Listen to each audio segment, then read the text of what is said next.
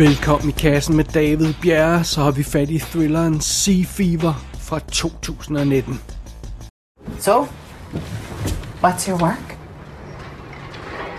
Well, um, I identify and extrapolate patterns from variations in deep sea faunal behaviour. Then I generate algorithms and computer simulations to predict ecological outcomes.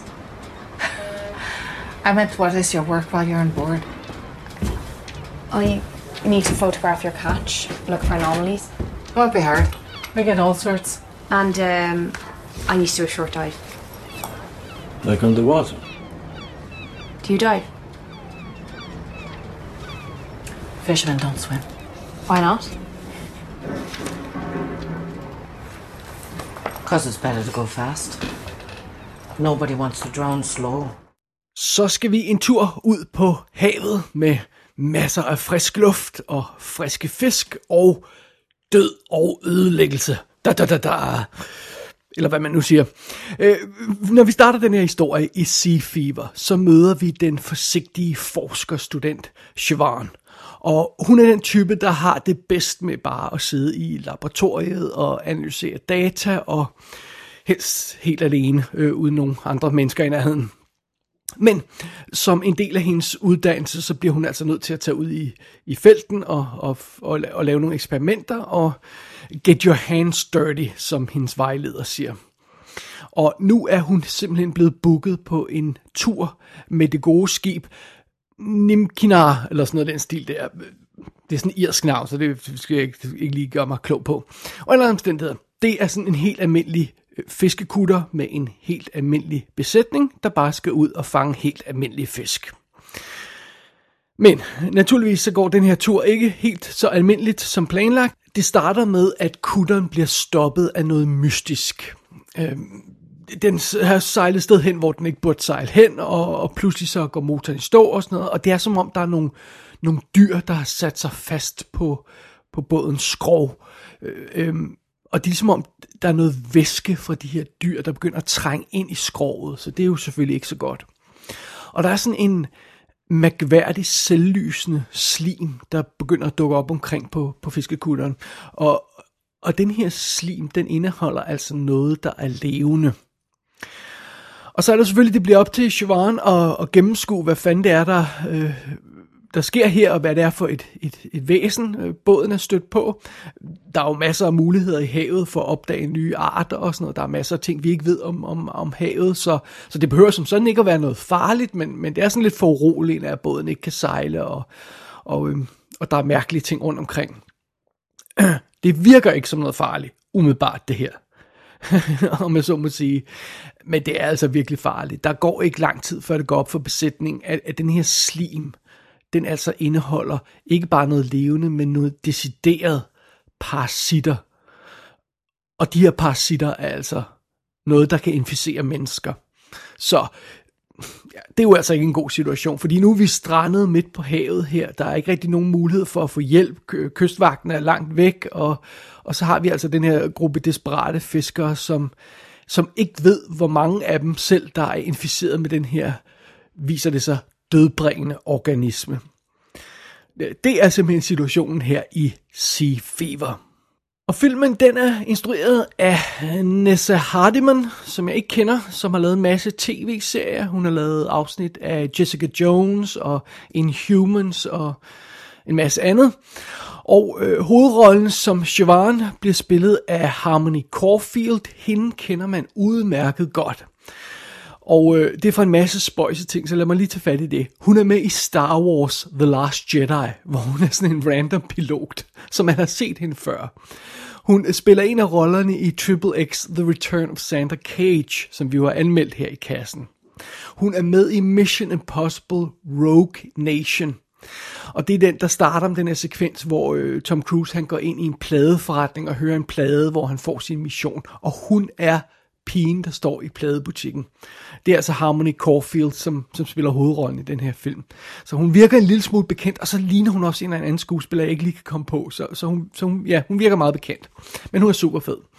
Øh, vi kender også hende, der spiller, øh, øh, ikke kaptajnen på båden, men hende, der egentlig styrer tingene, nemlig Freja, der er, øh, kaptajnen på båden hedder Gerard, lad os lige få ham på plads først.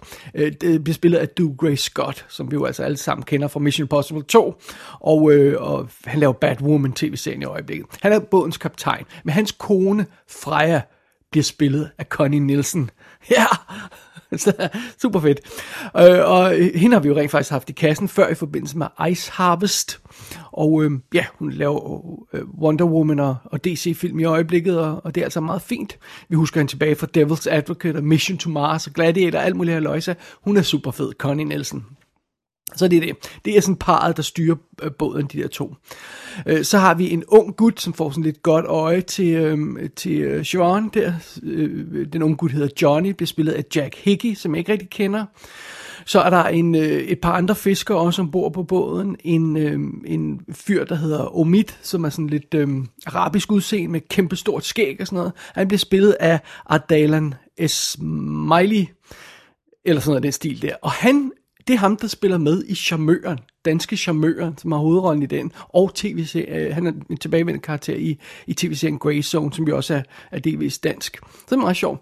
Og, øh, og så har vi, ja, der er et par andre fiskere med også, jeg, jeg vil ikke gå for meget detaljer, men jeg kender ikke skuespillerne, men øh, det er sådan en relativt lille, begrænset rolleliste, vi har, fordi altså relativt hurtigt i starten af filmen, så hopper vores heldinde på den her båd og sejler ud på havet, og så er vi simpelthen på den her båd resten af filmen. If any of us is infected, then. Then we'll be better off in hospital. Freya, wait. You know Christmas Island? What? It has the world's biggest population of red crabs. It used to. So? So, a few yellow ants arrived and they blinded the red crabs. Just a few ants. Now there aren't any more red crabs. Do you see what I mean? Yeah. The crab should have gone to hospital. This is what I do. Faunal behavior. Yes, in a lab. But this is the real world. With real people. And in the real world, if we go ashore and one of us is a carrier, then those things will spread really fast. Sudi is my responsibility. And he is bleeding to death in there. We can't just think about Sudi. I am not losing one more crew member. Jeg frygtede lidt det værste, da jeg læste øh, nogle tidlige beskrivelser af den her film, fordi nogle steder så blev den sådan kaldt The Thing på en båd.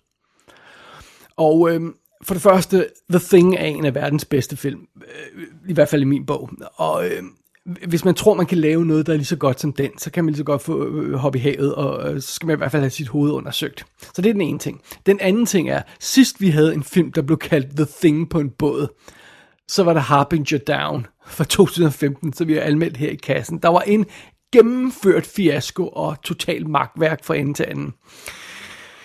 Men det viser sig dog, at den her beskrivelse, The Thing på en båd, overhovedet ikke er dækkende for, hvad Sea Fever i virkeligheden er.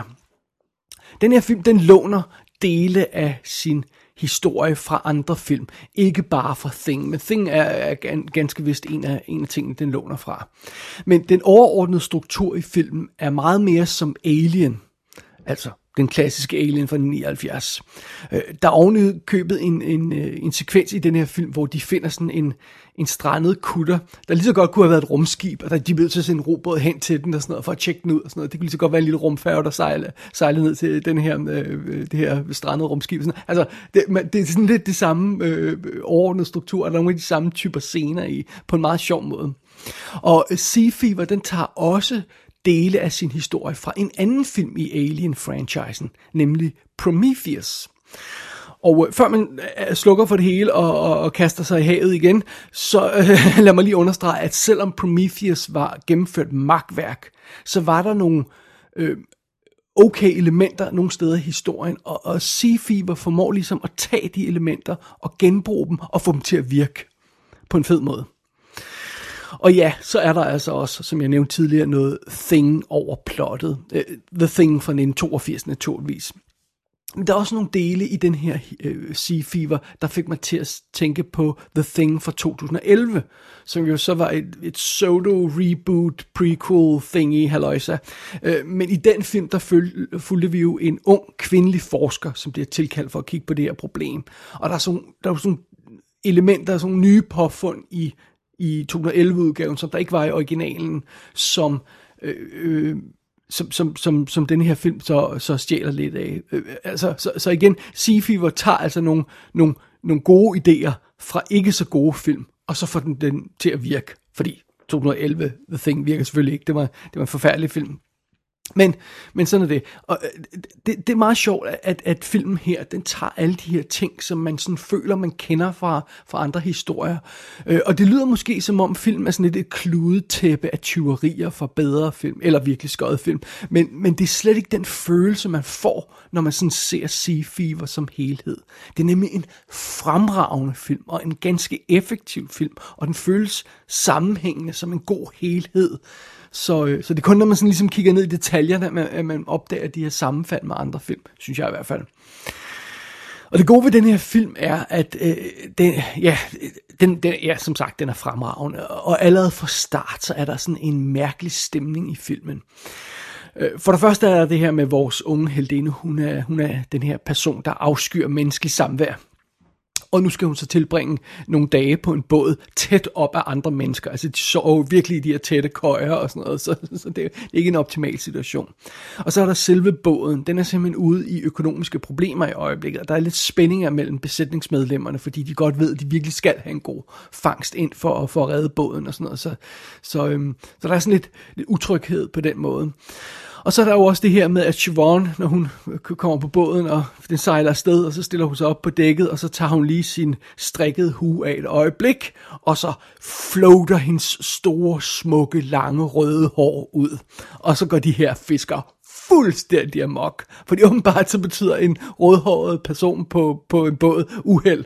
Uh, så, og det var der ikke lige nogen, der havde øh, fortalt hende om. Og, og sådan noget. Så det kommer der også lidt skandale ud af. Men det er meget sjovt, at filmen den, den, den tager de her sådan overtrosagtige ting og myter og sådan noget fra, fra sømænd og sådan noget, og, og blander den ind i den her historie. Og øh, fiskerne, de beder også en bøn, inden de rejser ud og sådan noget. De har deres faste ritualer, fordi de håber på en god fangst og alt det her løjse.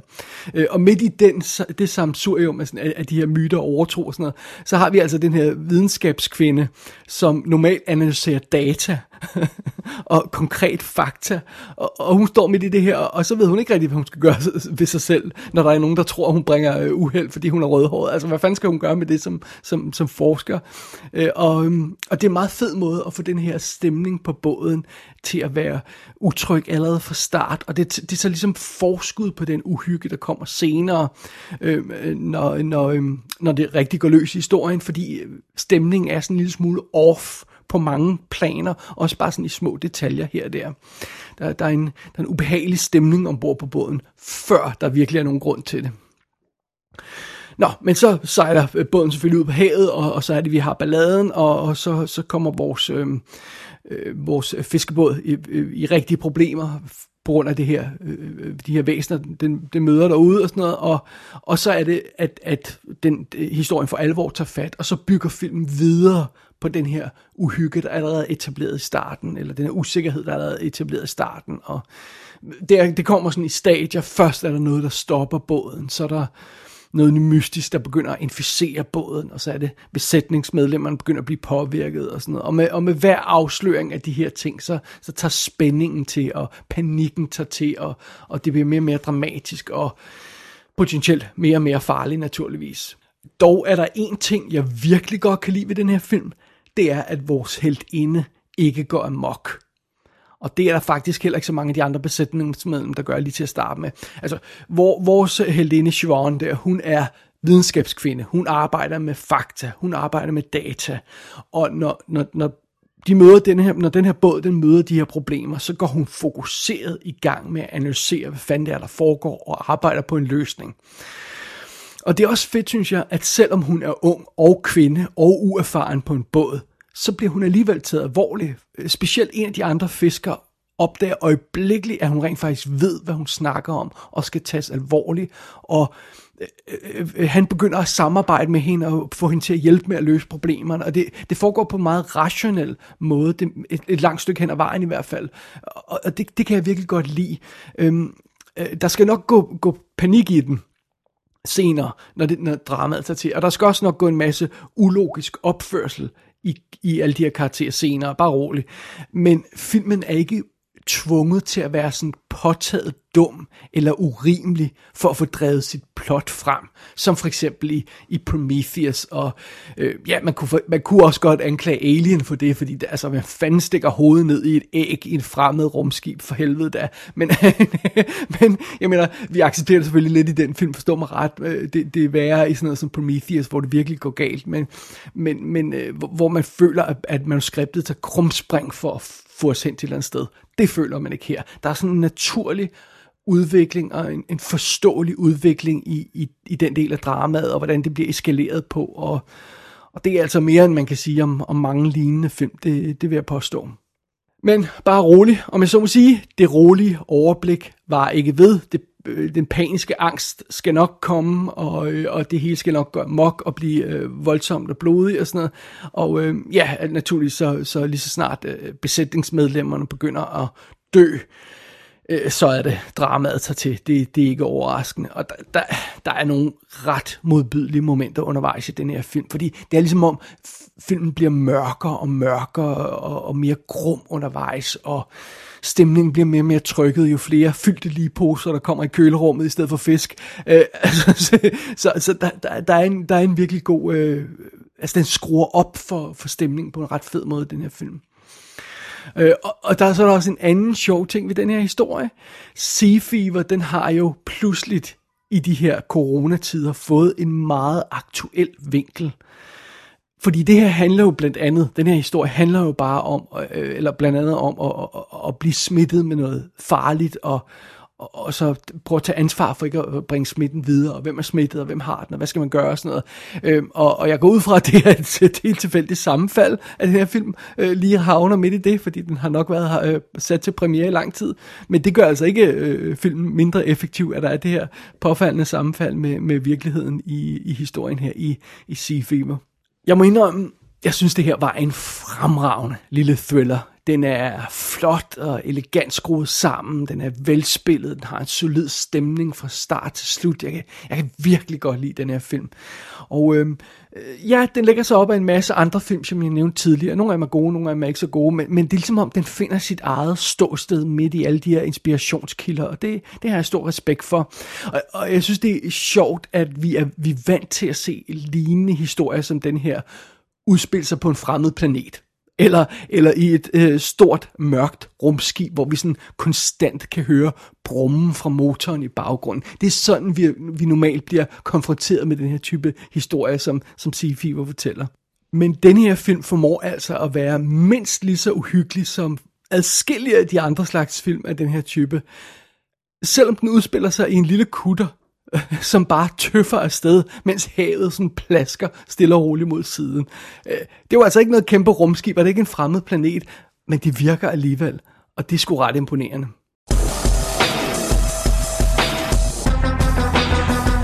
Sea Fever er ude på amerikansk VOD, og det skulle også komme på engelsk Blu-ray inden for en overskuelig fremtid, men der er en lille smule usikkerhed omkring den udgivelse, eventuelt grundet vores øh, situation i verden i øjeblikket.